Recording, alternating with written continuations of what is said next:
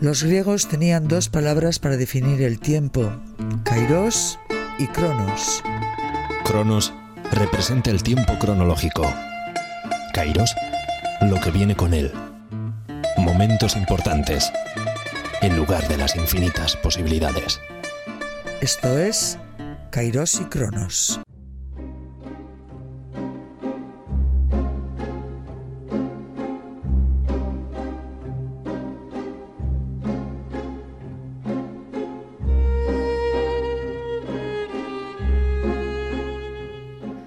Hola, ¿qué tal? Una mujer hoy protagonista en Kairos y Cronos, guipuzcoana del Goyerri, de la pequeña localidad de Legorreta, aficionada al monte, le gusta la lectura y cantar, amiga de sus amigos, cercana, luchadora, valiente. Trabajó durante una época vendiendo libros y después como funcionaria en Osalán, el Instituto de Seguridad y Salud Laborales. Le conocen seguro y a su pesar por ser la viuda de Juan Mari Jauregui, asesinado por ETA en el año 2000. 29 de julio, ese día, su vida cambió para siempre.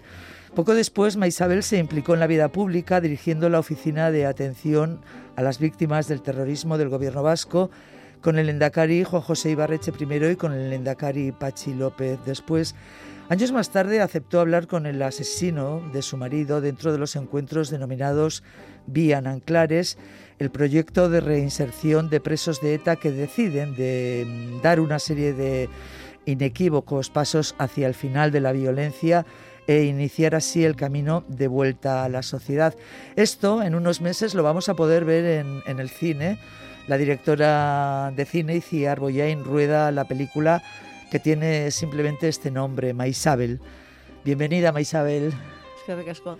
¿Qué tal? ¿Cómo, ¿Cómo estamos viviendo este tiempo largo de pandemia? Bueno, un poco complicado, ¿eh?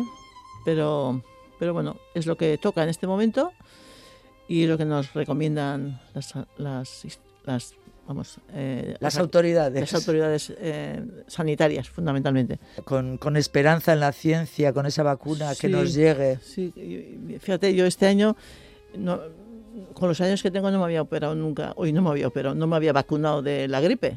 Pues me he vacunado de la gripe.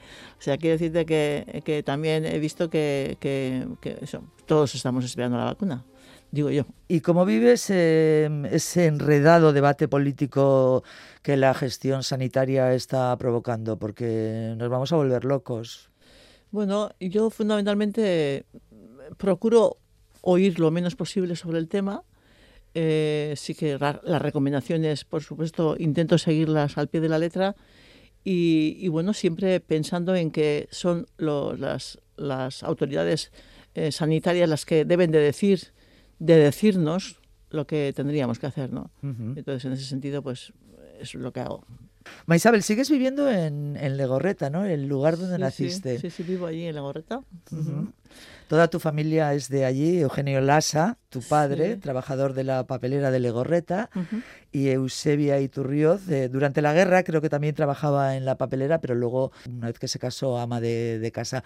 ¿Cómo recuerdas eh, tu familia? ¿Cómo eran tus padres? ¿Cómo era el día a día? Bueno, nosotros, eh, bueno, eh, era una familia de trabajadores. Mi padre, como has dicho muy bien, trabajó en la papelera Echezarreta de Legorreta y después también eh, solía trabajar, o bueno, solía, ayudar en el caserío familiar de mi madre, que está en el mismo pueblo, en Legorreta, en Legorchar, y solía ayudar a los abuelos, pues, pues las labores del campo, etcétera, ¿no? Y yo tengo recuerdos muy bonitos de pequeña, porque además durante bastante tiempo fuimos dos hermanas, aunque luego al final fuimos cinco, pero al principio, pues la que sigue, la que me sigue a mí, pues tiene siete años de diferencia conmigo. Con lo cual, pues hemos vivido mucho tiempo las dos mayores. la mayor? ¿Tú eres no, yo soy la segunda. Yo soy la segunda. Y yo tengo recuerdos muy bonitos porque, por ejemplo, el, verano solíamos estar mucho en el caserío y el contacto con la naturaleza, con los animales, en fin, a mí me gustaba mucho aquella, aquel tipo de vida, sí, sí, sí. ¿Y la, la escuela, la, la, recuerdas? Sí, la escuela además la recuerdo muy, muy bien. Me acuerdo perfectamente. Yo empecé, fui de las, de las o sea, eh, mi hermana empezó en la escuela con los años que en aquel momento se empezaba, que creo que eran unos seis años aproximadamente, ¿no?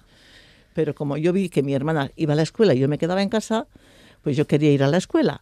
Entonces tuve la gran oportunidad de que, de que la profesora que estaba con mi hermana me dejó, me autorizó a ir a la escuela. Entonces no te puedes ni imaginar lo a gusto que iba yo. Y la impresión que vine el primer día que había aprendido a contar los números. O sea, o sea, emocionada estaba. Emocionadísima. En una escuela, me imagino que en castellano. Sí, claro. En aquella época no, no, hablabais eh, en euskera. Pero mm, había buen ambiente. Sí, buen ambiente. La primera mujer que estuvo conmigo creo que se llamaba Pilar. Y luego tuvimos otra profesora que a nosotros nos ayudó mucho, que era de Tolosa, doña Dolores, doña Dolores Arzuaga. Y, y, bueno, tengo recuerdos muy bonitos, muy bonitos de la escuela, la verdad que sí. Y luego, y luego, ya a estudiar el bachiller, que esto también fue gracias a la profesora, que se empeñó en que, en que podíamos ir a hacer el bachiller. En aquella época en Legorreta de eso no había nada.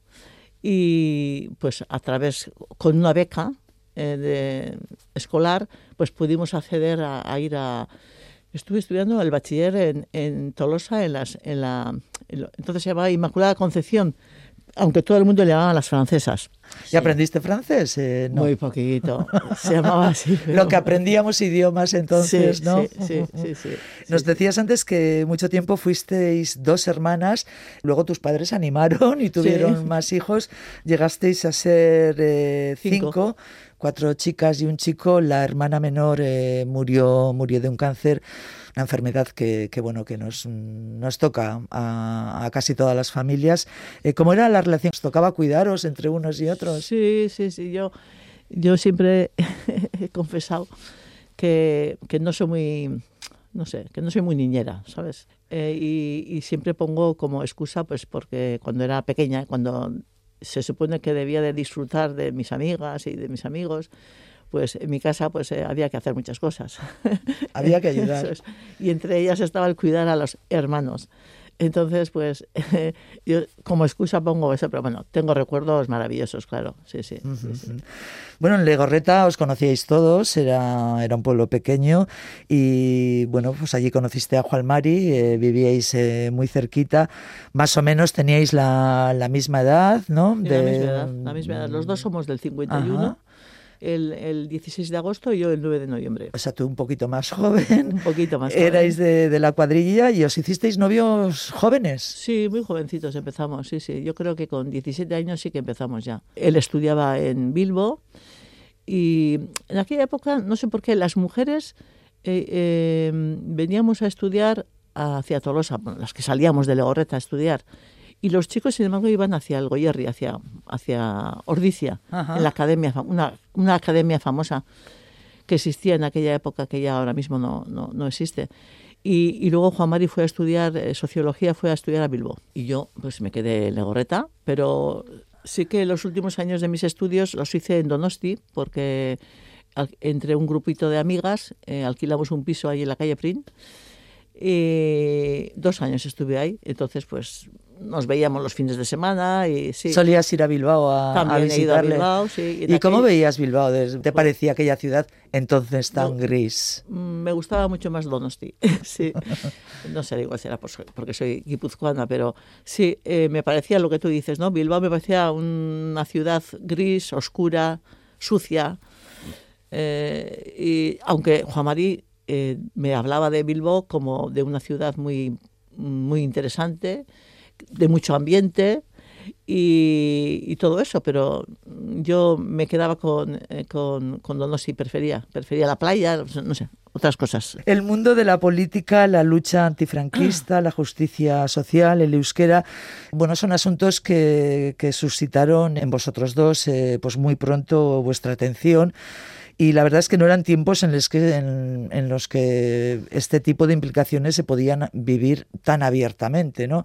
Eh, la clandestinidad era, una, mm, era prácticamente la, única opción. ¿Cómo, ¿Cómo era? ¿Cómo lo vivíais? Me gustaría hablar eh, de, una época nuestra en, las que, en la que nos implicamos, eh, así a nivel público al menos, en unas colonias de verano que organizamos fuera de lo que eran las colonias oficiales de las Icastolas, porque esas colonias oficiales de las Icastolas fundamentalmente eran para personas que hablaban euskera. Entonces nosotros veíamos ahí un déficit importante eh, para aquellas personas que vivían en un ambiente no euskaldun, para que pudiesen aprender euskera, precisamente porque era el, el, objetivo. El objetivo era ese, ¿no? Entonces, eh, pues organizamos colonias de verano en Saturarán, en Deva, en, en una zona de, de, Navarra, que ahora mismo no me, no me acuerdo con el, con el nombre, Berría creo que era, Berría. Y, y, bueno, em, ahí pues nos conocimos mucho más, eh, por supuesto, eh, mira, como, como chavales jóvenes tuvimos en las colonias, por ejemplo, gente muy conocida, como puede ser eh, Piago Enaga, en el que fue el que fue director de, de esto de la marca, Íñigo La Marca. Íñigo La Marca. O sea, quiero decirte que, que, que tuvimos en nuestras manos personas que luego pues han sido muy conocidas, ¿no? Y yo tengo un buen recuerdo de aquella época, muy buen, muy, buen recuerdo, eh, entre los monitores, entre los alumnos, entre la gente que trabajaba en la cocina, en fin, tengo un recuerdo fantástico de, aquella época. Y luego, por supuesto, pues eh, implicaciones en, el ámbito social, también yo me afilié a comisiones obreras, por ejemplo, antes cuando has hecho la vida laboral, has hablado de la vida laboral mía, no has mencionado que, que yo primeramente empecé a trabajar en EPAC, EPAC es una, era una empresa de artes gráficas que, que estaba en Icacegueta y es ahí donde empecé mi primer trabajo laboral, vamos. Y me sindiqué a comisiones obreras y bueno, pues ahí también eh, yo intentaba enterarme de todos los derechos que teníamos los trabajadores y también de las obligaciones, como no podía ser de otra forma. Evidentemente. Evidentemente. Y pues ahí pues me impliqué en, en temas que fundamentalmente eh, hacían diferencia entre hombres y mujeres, la empresa, me, refiero a la empresa desde arriba, y luché por ello y bueno, pues me mandaron, me despidieron y luego es cuando empecé a trabajar en... ¿En, ¿En Osalán? En Osalán, primeramente vendiendo libros. Cuéntame lo de, lo de la venta de libros, ¿cómo, cómo era? pues mira, la venta de libros fue porque a mí al despedirme de PAC, eh, en aquella época había una ficha policial de despedida de una empresa. Entonces acudía a muchísimas empresas de la zona para, para poder trabajar y me sacaban siempre. Tenías una ficha y decían, esta señora es, problemática. Entonces vi un anuncio en el periódico sobre que necesitaban gente para, para vender libros y me presenté.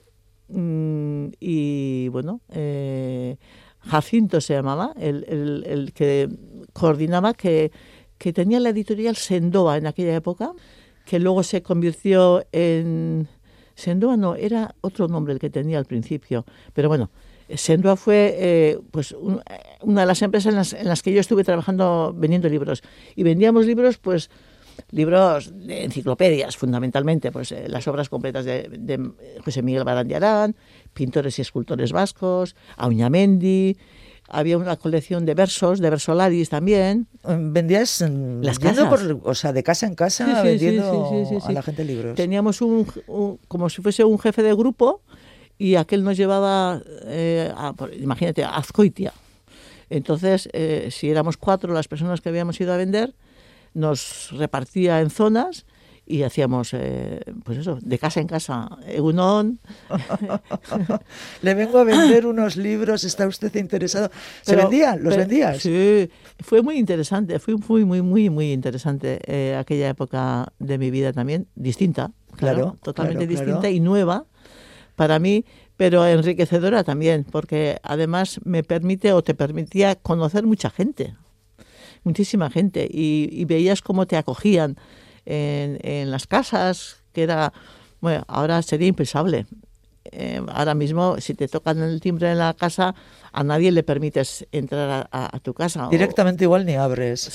si no sabes que viene alguien, ni abres. Por eso, entonces, era, claro, era en ese aspecto eh, era totalmente distinta la, la, época, ¿no? Pero sí que te, tengo recuerdos bonitos de, de, aquella, de aquella época.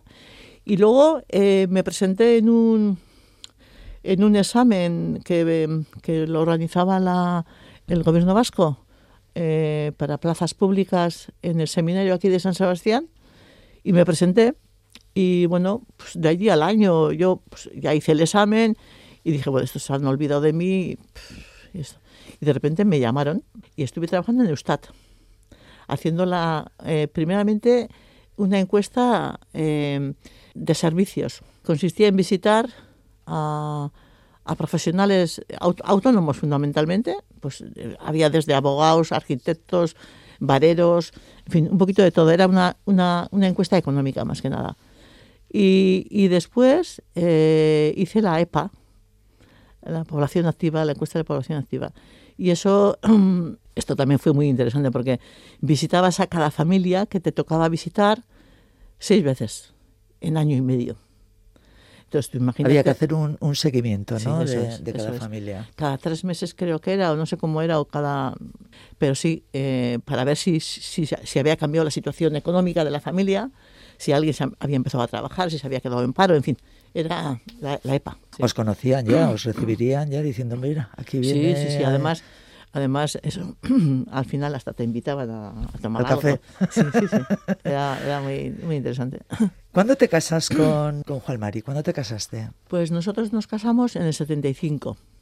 Él se licenció de la mili en el año 75, pues por, por mayo o por ahí, y ya teníamos todo preparado para, para casarnos el, el... Y nos casamos en julio, un 19 de julio, pues porque em, eh, a mí me despidieron un, un 18 de julio o un 17 de julio de la empresa. ¿Dos días antes de tu boda? No, un año había Un año antes. Un, año, antes. Un año antes. Entonces, como fecha, pusimos esa fecha. Y claro, el, el, asunto era que el papeleo que había que hacer en aquello, en aquel tiempo, para poder casarte por lo civil, era impresionante. El que nos ayudó a preparar todo el documento fue Esteban Eguren, que fue un militante del Partido Comunista, de Ibar, muy conocido también. Y mira, fue el que firmó, me acuerdo que cuando en aquello eh, hicimos nosotros una campaña sobre la amnistía, y él firmó las, las, las pancartas, las firmaba él. Y, bueno, esos recuerdos que te, que te quedan en la cabeza, ¿no? Y me acuerdo que, claro, como costaba tanto eh, preparar esa, ese, todo ese toda esa documentación para poder casarte por lo, por lo civil, nosotros tuvimos que renunciar de la fe católica, tuvimos que, nos hicieron un interrogatorio de, de, de qué, en lo que pensábamos, en lo que creíamos. Bueno, una cosa increíble de, de ahora.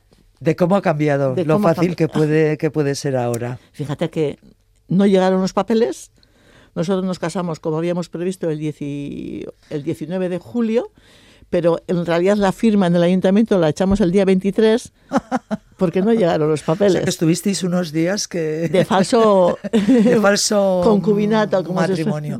En el año 75 Maisabel, eh, bueno, pues se casa, eh, su vida continúa lógicamente y en el año 76 escuchamos hasta, hasta hartar, diríamos yo, esta canción.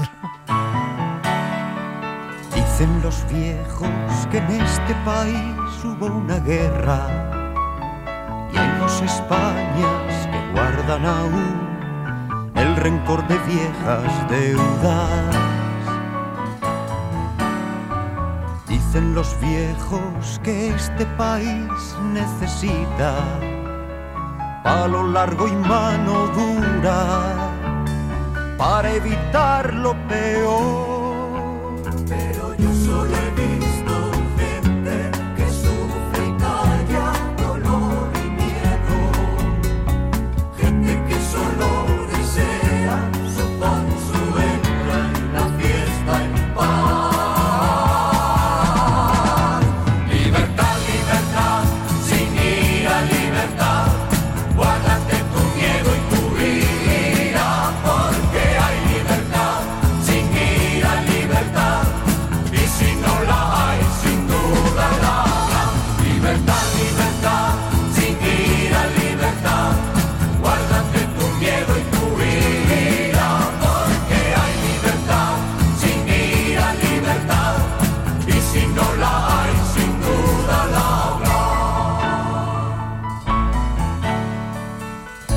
Los viejos que hacemos lo que nos da la gana. Y no es posible que así pueda haber gobierno que gobierne nada. Dicen los viejos que no se nos dé rienda suelta, que todos aquí llevamos la violencia flor de piel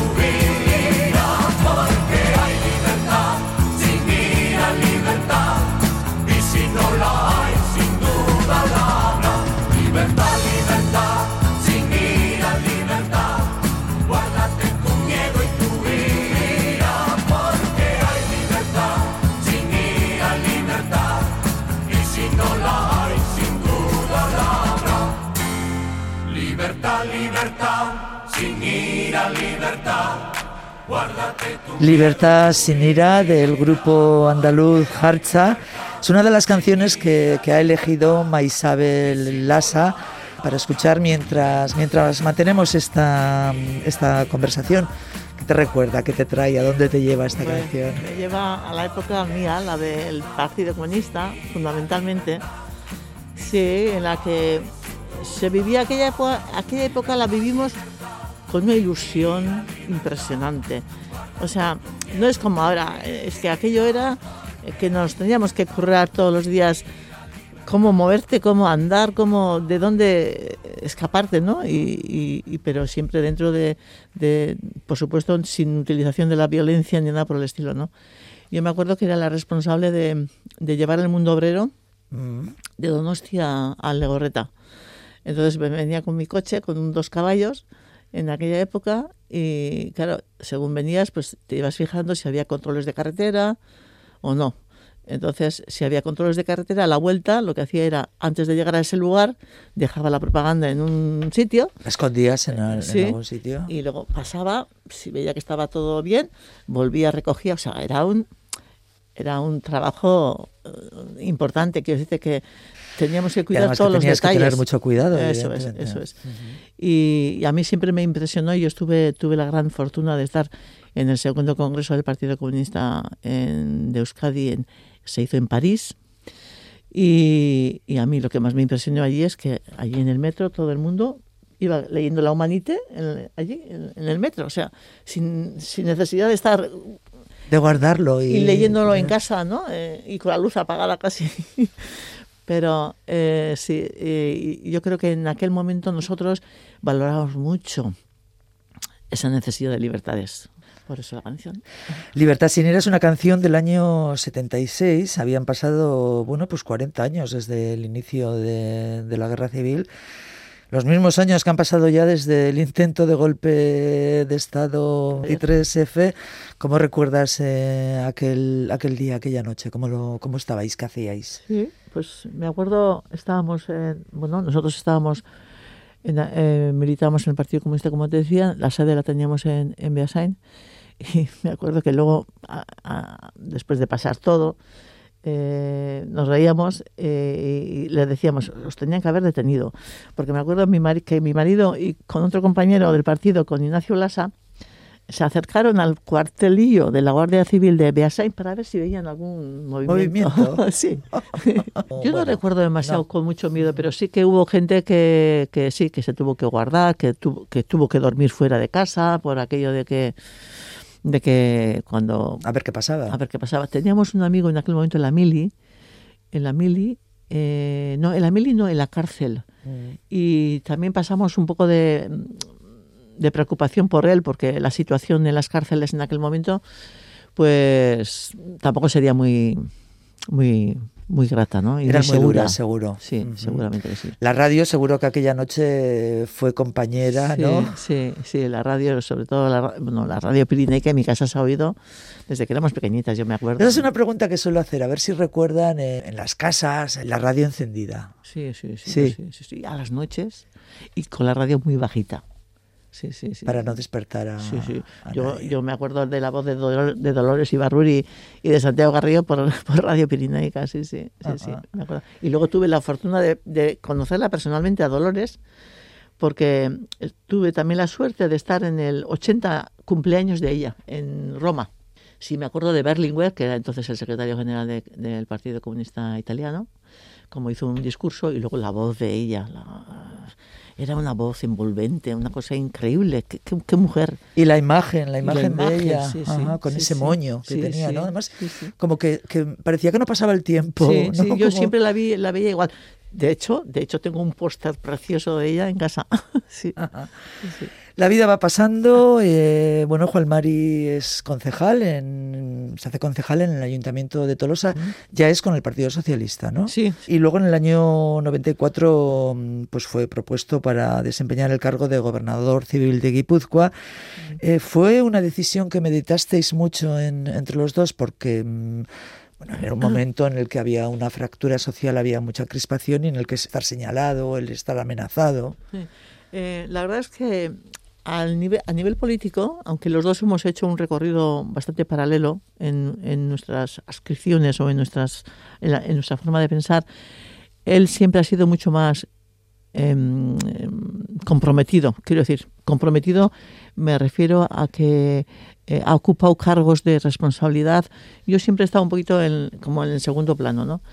Y cuando le propusieron la, lo de gobernador civil de Guipúzcoa, eh, a mí sí que me había comentado alguna vez, en algún momento determinado, pues ya cerca de las fechas esas. Y yo, mira, yo siempre lo que, lo, que tenía claro es de que, de que Juan Mari para mí era un animal político, le gustaba la política, y entonces, ¿cómo le voy a decir que no? O sea, decirte que me parecía imposible decirle a una, a una decisión que, que fundamentalmente la tenía que tomar él, él, ¿no? Y la verdad es que yo le dije, mira, lo que tú decidas estará bien decidido.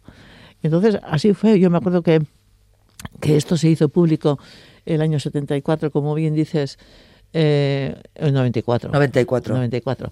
Eh, como bien dices, eh, ese verano nos fuimos de vacaciones a Mallorca y estando allí se hizo público. Y bueno, pues imagínate, estábamos fuera nosotros, menos mal. Y, y, pues, la gente se enteró y, bueno, fue, fue un shock, un show eh, fuerte porque quieras que no, eh, como tú decías, la figura del gobernador civil era una figura muy, muy eh, polémica, polémica, cuando menos polémica, seguro, polémica seguro por las connotaciones que tenía, ¿no? Y, fue una, una, decisión mm, de tomar partido, de, de, decidir, sí, pues, porque además él tenía claro que, que eh, en Inchaurrondo sucedían cosas bastante, bastante no, no limpias y, sabía de los problemas que había con el tema de la tortura y las detenciones. Y yo creo que se empeñó eh, y dijo, pues sí, mira, yo lo puedo hacer, ya que me lo proponen, y a ver qué pasa. Es un cargo, evidentemente era un cargo eh, polémico, pero que alguien tenía que, asumirlo para, para, bueno, para ir dando, dando pasos. Y él, él lo hizo. Eh, ¿Hablabais día a día de lo que, de lo que hacía, de lo que pasaba o, o bueno, Hombre, en realidad él no me hablaba de su trabajo en concreto, pero yo sabía, pues por ejemplo, pues eh, era consciente de que lo primero que hizo cuando le nombran gobernador civil de Guipúzcoa y, el día de toma de posesión, pues el discurso, pues fíjate, fue en euskera. Eh, y en castellano, pero en euskera también, eh, invitó a todos los medios de comunicación, cosa que antes no, no sucedía así. Eh, y después una de las primeras cosas que hizo fue cerrar una cárcel que había en el cuartelillo de, del antiguo, de la Guardia Civil, y creo que la cárcel o las celdas que estaban ahí eran, vamos, que estaban en unas condiciones y, bueno, ni tercermundistas ni, o sea, infrahumanas. Infrahumanas. Y entonces mandó cerrar. Eh, por supuesto, em, eh, recibía a aquellos familiares que, que, denunciaban torturas de familiares y, investigaba eh, si aquello era cierto o no era cierto y si había sido cierto, pues, pues ponía medidas para que no volviese a ocurrir. Y bueno, pues fue una persona en ese aspecto muy, muy comprometida porque lo que, lo que, lo que, lo que tenía claro es que la, la defensa de los derechos humanos tiene que ser la defensa de todos los derechos humanos, ¿no?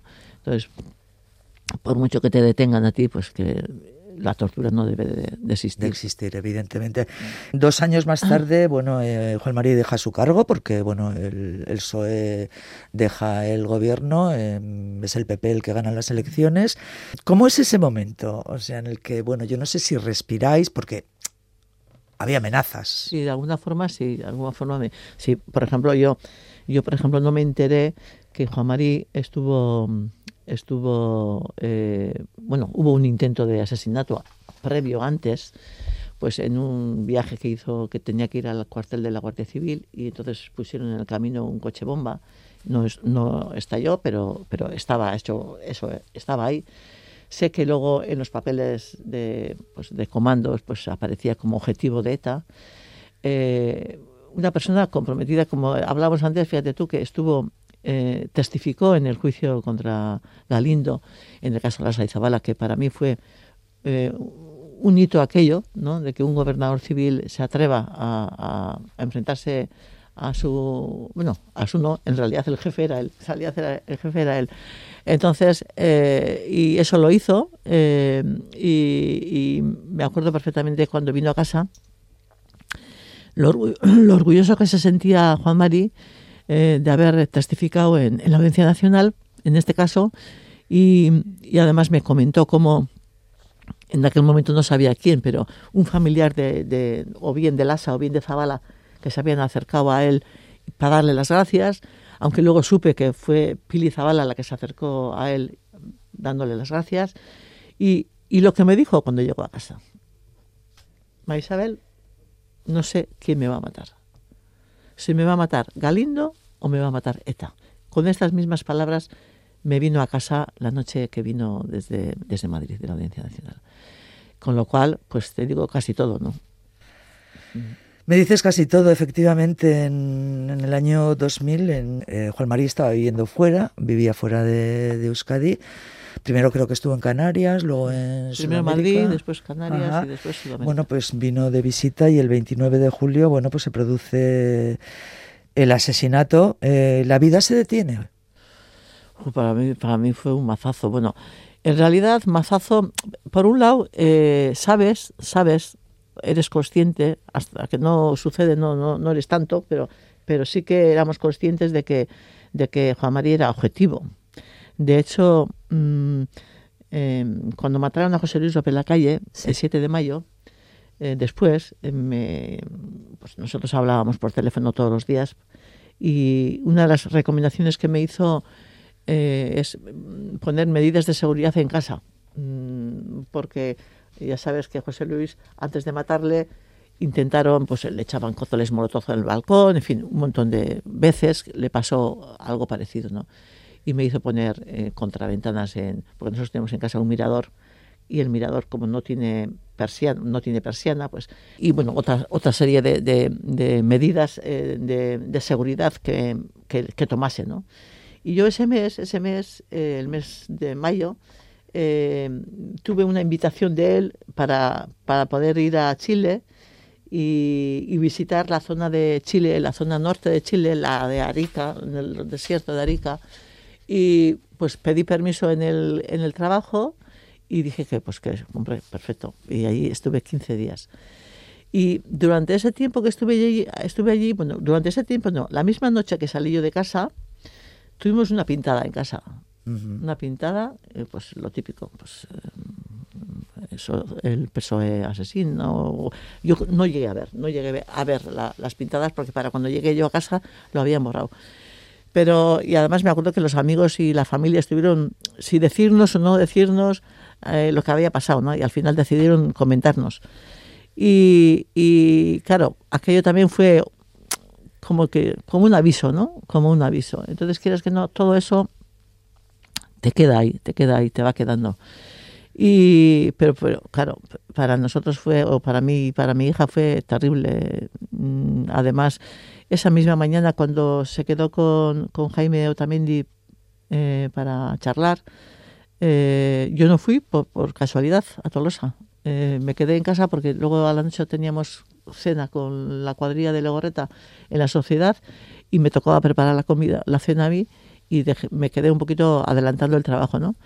Pero la compañía del garaje, porque nosotros vivimos en una casa sola y en, la casa de ellos, lo que fue la casa familiar de, Juan Mari. Y puso el motor en marcha y me suelta aquello de que, Isabel, he soñado que me matan. Me suelta así. Y bueno, yo me quedé, pero bueno, este hombre, ¿qué me está diciendo a mí ahora? Y le dije, hombre, son sueños y los sueños, pues ya sabes, los sueños no siempre se... Tuvimos la mala suerte de que ese sueño fue, fue real, ¿no? Isabel, ¿y cómo, cómo se consigue retomar la vida cotidiana tú con tu hija después de que, que pasan unas semanas? Eh, la vida continúa, te quedas pues, pues más sola, menos arropada. Eh, ¿Cómo haces la comida o la compra? ¿Cómo, cómo, ¿Cómo consigues? Nosotros éramos una familia bastante especial en ese aspecto, porque claro, el padre estaba en Chile mi hija estaba estudiando en Huelva y yo estaba en Legorreta. Con lo cual, ya ves, ¿no? Entonces, em, mi hija el verano pasó aquí en Legorreta, claro, pero luego el curso, el curso se pasó, fue a, Huelva. A estudiar. A estudiar. Eh, yo tenía en ese momento entre manos una preparación de unas oposiciones que había convocado el gobierno vasco, a las que me presentaba y tenía que también prepararme en aquello. Y, pero fue muy duro, muy duro porque yo eh, esperaba siempre la llamada de teléfono, ¿sabes? Al no estar todos los días juntos, pues eh, pasa que luego, eh, pues de alguna forma, pues tú le esperas que te toque el timbre o que entre a casa, ¿no? O que te llamen por teléfono. Siempre está esa cosa ahí en la cabeza, ¿no? Es algo a lo que tú estabas acostumbrada, y, bueno, pues se corta... Se corta del todo, se corta del todo. y... Y, bueno, nosotros, gracias a, bueno, a mí, al menos los amigos, eh, tuve la suerte de, de que tengo unos amigos estupendos y también gracias a la familia, pues eh, tuve un arrope, arrope importante. Y, luego por parte de los ciudadanos en general y de las instituciones, pues no, no fue lo mismo el asesinato de Juan Mari en el año 2000 que asesinatos que hubo anteriormente en otros años en los que ah, era un abandono total por parte de la sociedad, por parte de las instituciones. Y, y al final quedaba aquello de que por algo será, ¿no? Ya, ya.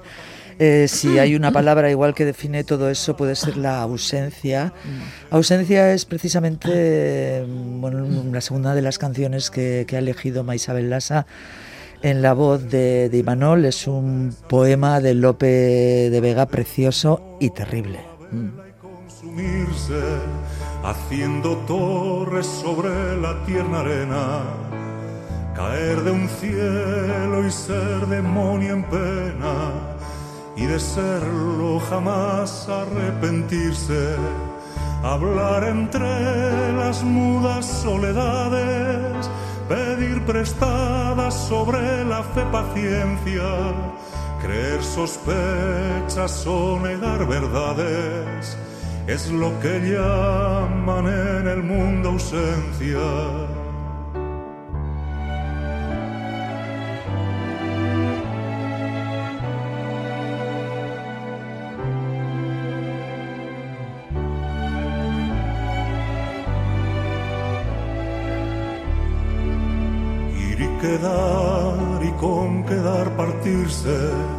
partir sin alma, ir con alma ajena, oír la dulce voz de una sirena y no poder del árbol desasirse, arder como la vela y consumirse, haciendo torres sobre la tierna arena caer de un cielo y ser demonio en pena y de serlo jamás arrepentirse, hablar entre las mudas soledades, pedir prestadas sobre la fe paciencia, creer sospechas o negar verdades, es lo que llaman en el mundo ausencia.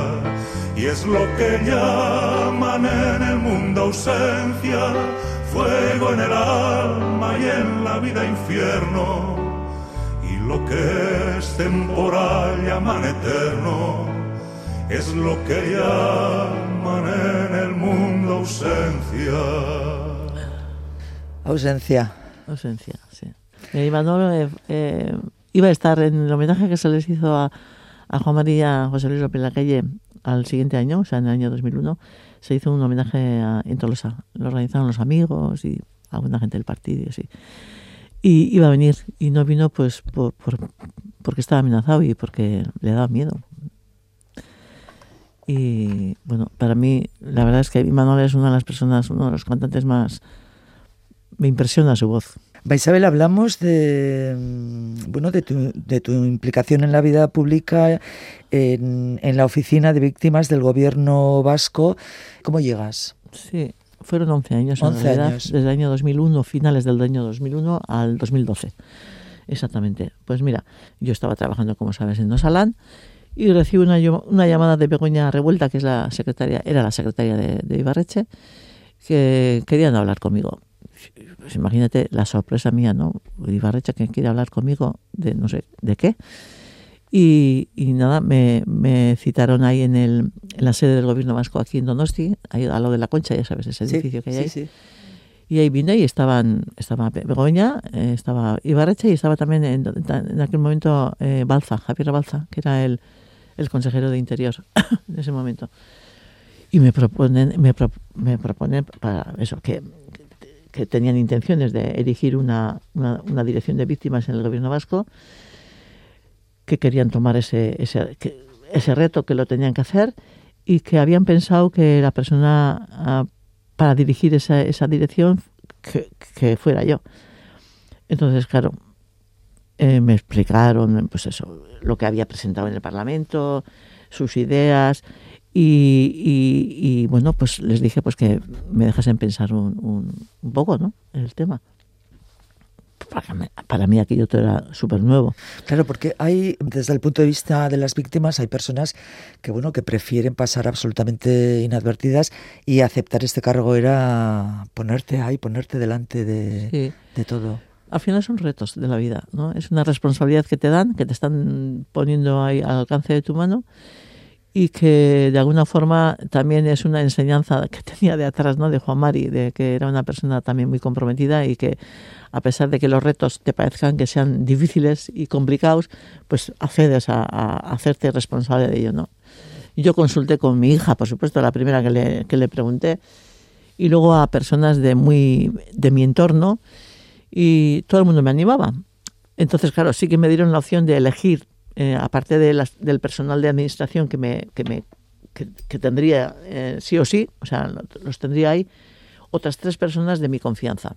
Con las que trabajar y Eso llevar a cabo eso los proyectos. Y, y bueno, aquello yo creo que me animó un poquito y claro, hice preguntas sobre algunas eh, personas que yo consideraba que podían ayudarme en ese trabajo y, y, bueno, pues me fijé fundamentalmente en, en Jaime Arrese, Jaime Arrese que, que fue muy amigo de Juan Mari, eh, un hombre además que, pues eso, que tenía eh, muchísimo conocimiento de, de, de, la vida política, o sí, yo creo que sí era así. Y, y le propuse, y bueno, pues aquel me dio el ok.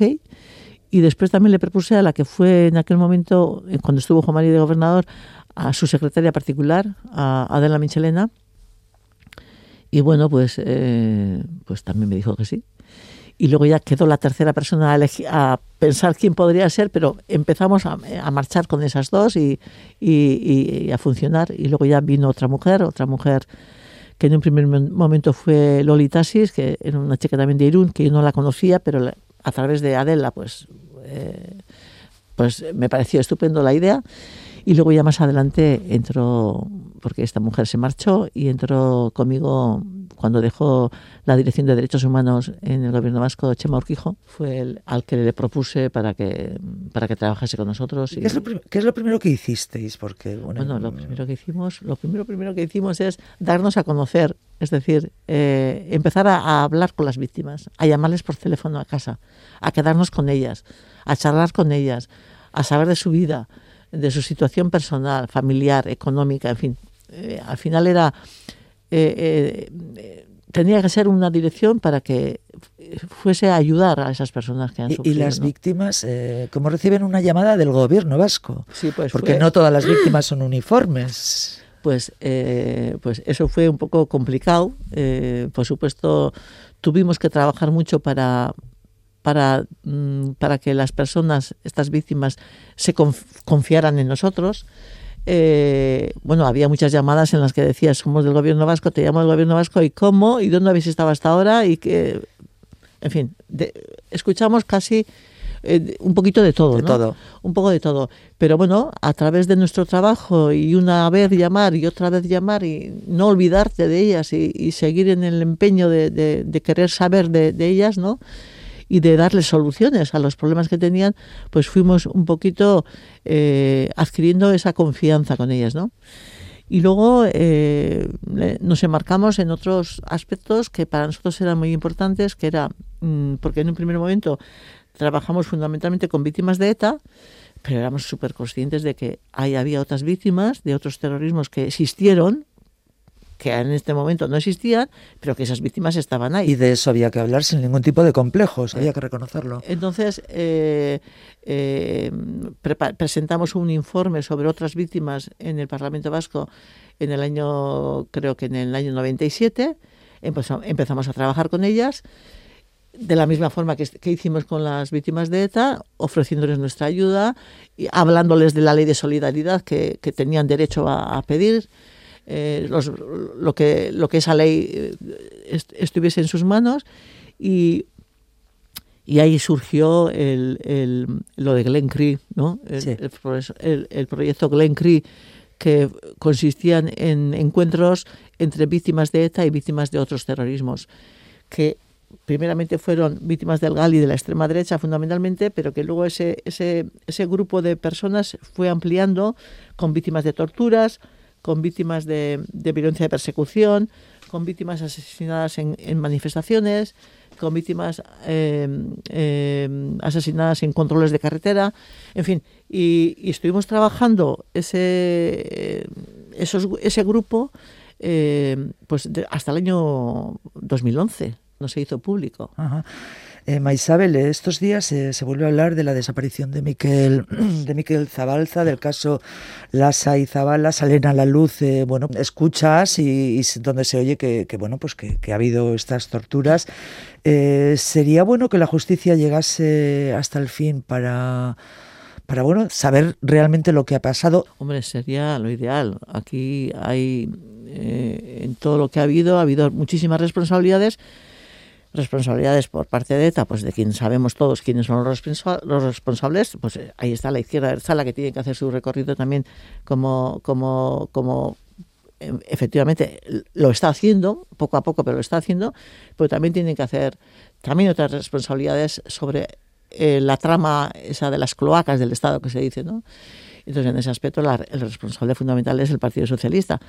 Y a mí me gustaría, mira, he escuchado que han reconocido, el Estado, que ha reconocido un grave atentado de, de vulneración de derechos humanos en una persona, que un profesor de matemáticas asesinado con 38 años en Bilbo, y han reconocido y ha reconocido Denis Ichaso por parte del gobierno eh, como representación de, de, la delegación del gobierno aquí en Euskadi y ha, re, ha, reconocido otra personalidad que ahora mismo no me acuerdo del nombre, pero bueno, pero lo tiene que hacer también con el, el tema del GAL. El reconocimiento del daño sigue siendo ese principio que, que más problemas puede presentar, ¿no? O eh, está presentando. Hombre, eh, yo creo que el reconocimiento del daño causado, yo creo que es importantísimo si queremos que esto, eh, si queremos pasar página, eh, tiene que reconocer eh, no solamente uno, sino que todos los que están eh, comprometidos y todos los que están implicados en, en, en, lo que ha, en lo que ha sucedido, porque no todo lo que se hizo se hizo bien, ni, ni, por el Estado ni por el otro lado. O sea que las cosas hay que hablarlas claras. Si queremos pasar página, igual hay que leer la página primero. Sí, claro, primero leerla entera. Eh, entera y, y, y, por supuesto reconocer, reconocer que, que, que, hubo muchísimos abusos, muchísimos abusos. Tú, Ma Isabel, te sentaste con, con uno de los asesinos de, de, tu marido. ¿Qué era más importante? ¿Hacerle saber eh, tu propio dolor o preguntarle por qué o que te pidiera perdón? Eh, yo siempre he creído que, que la política penitenciaria tiene que ir dirigida a la reinserción de los presos. Eso como primera premisa. Después, esta iniciativa que surge, surge de ellos, surge de los presos, de los presos que quieren estar con las víctimas del terrorismo, que nos quieren pedir perdón o que nos quieren eh, preguntar eh, y saber de primera mano el dolor producido por ellos, ¿no? Y así surge. Yo estoy, primeramente, estoy en Anclares con, con Luis Carrasco, que estuve en el año 2011 con él, en mayo del 2011. Y luego ya más adelante estuve con otro, con otro implicado en el asesinato de Juan Mari, que, era, que es Ivonne Echezarreta, ¿no? Entonces, eh, claro, es, se mezclan muchas cosas aquí. Pero primeramente es la decisión de ellos y yo como pienso en la reinserción y pienso que todas las personas nos merecemos una segunda oportunidad, yo ya que estas personas habían hecho ese recorrido de reconocer el daño causado, yo quería darles esa oportunidad y fui allí pensando sobre todo en la futura convivencia de este país, porque estas personas van a salir de la cárcel algún día y van a vivir entre nosotros, con lo cual eh, eso es importante.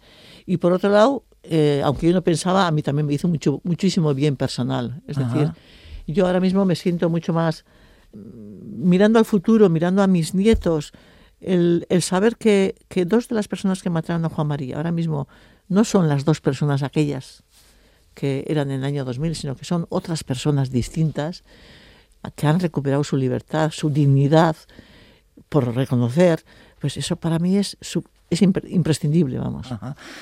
Maisabel, tú como, como personaje de cine, ya has aparecido en las pantallas, eh, bueno, estuviste en la pelota, en la pelota vasca, una, un documental, una película que se rodó en 2003 un trabajo complejo, pues eh, con un tejido de opiniones diferentes. Creo que eran más de 70 personas las que se, se pusieron delante de la Cámara de Medem. Un trabajo que sufrió un, una agresiva campaña, por cierto. Luego, ya no hace mucho, el documental de John Sistiega sobre el fin de ETA, precisamente ese, ese encuentro con, con Echezarreta. Y ahora, bueno, pues tu película, tu película, digo yo, la película de Iciar Boyain, que, que bueno, que se está rodando Blanca Portillo va a ser la actriz que, que, te va a dar vida a ti. Mm, es un poco raro esto, ¿no? ¿Cómo, cómo te sienta esto a ti? Eh, la verdad es que um, un poco de vértigo sí que me da ¿eh? el tema, pero bueno, es un proyecto bastante antiguo, o sea, quiero decirte que no es una cosa que, Tú hablaste, has hablado con Iciar Boyain. Sí. sí. Eh, esto surge más o menos a la par que lo de Sistiaga. Uh -huh eh, me vienen las dos, eh, las dos peticiones. Por un lado el documental y por otro lado la película, la ficción. La ficción basada en hechos basada reales. En la realidad. Y, y bueno, eh, bueno, yo con Iniciar he hablado y con Isa Campo y también con Coldo Zuazua. Eh, con los tres hemos estado muchísimas veces, sobre todo con, con Itziar y con, y con Isa, ¿no? Isa Campo, que es la guionista. Sí. Pero hemos pasado horas y horas hablando. Han estado, incluso estuvieron el año, el año 2018, estuvieron en Legorreta, en el día que se recuerda a Juan Marí, estuvieron ellas, eh, los tres estuvieron, pues un poquito para, para, para ver el, el, lo que sucede. Para sentir el, sí, el lugar, ¿no? el lugar, y el ambiente. Eh, la gente, eh, luego estuvieron en la comida, hablaron con mucha gente de los que estaban allí. Y ahora mismo también sé que han estado, Itziar ha estado hablando y, y, y, Blanca también, Blanca está hablando con muchísima gente que me conoce a mí, aparte de, de, de conocerla yo a ella personalmente, que nos conocimos hace un mes aproximadamente. Ajá. Y me pareció una mujer, bueno, fantástica. Bueno, este es un programa que, que hace referencia al tiempo, Kairos y Cronos. bueno, es el tiempo de la vida de, de, todas las personas, el tiempo del que se dicen que cura todo. ¿Cura algo el tiempo, Maisabel? Hombre, yo creo que sí, yo creo que te ayuda. Y sobre todo eh, intentas además acordarte de las cosas buenas, ¿no? Y un poquito esa es la lo que una, la persona puede hacer, ¿no? Eh, el, el hacer que lo que no te gusta, pues retirarlo y acordarte y gozar de aquello que ahora mismo pues no puedo mucho con mis nietos pues porque no por la, que les ves poquísimo porque poquísimo, poquísimo. por esto del covid claro, pero, pero bueno ya llegará ese momento ya llegará el momento. Sí.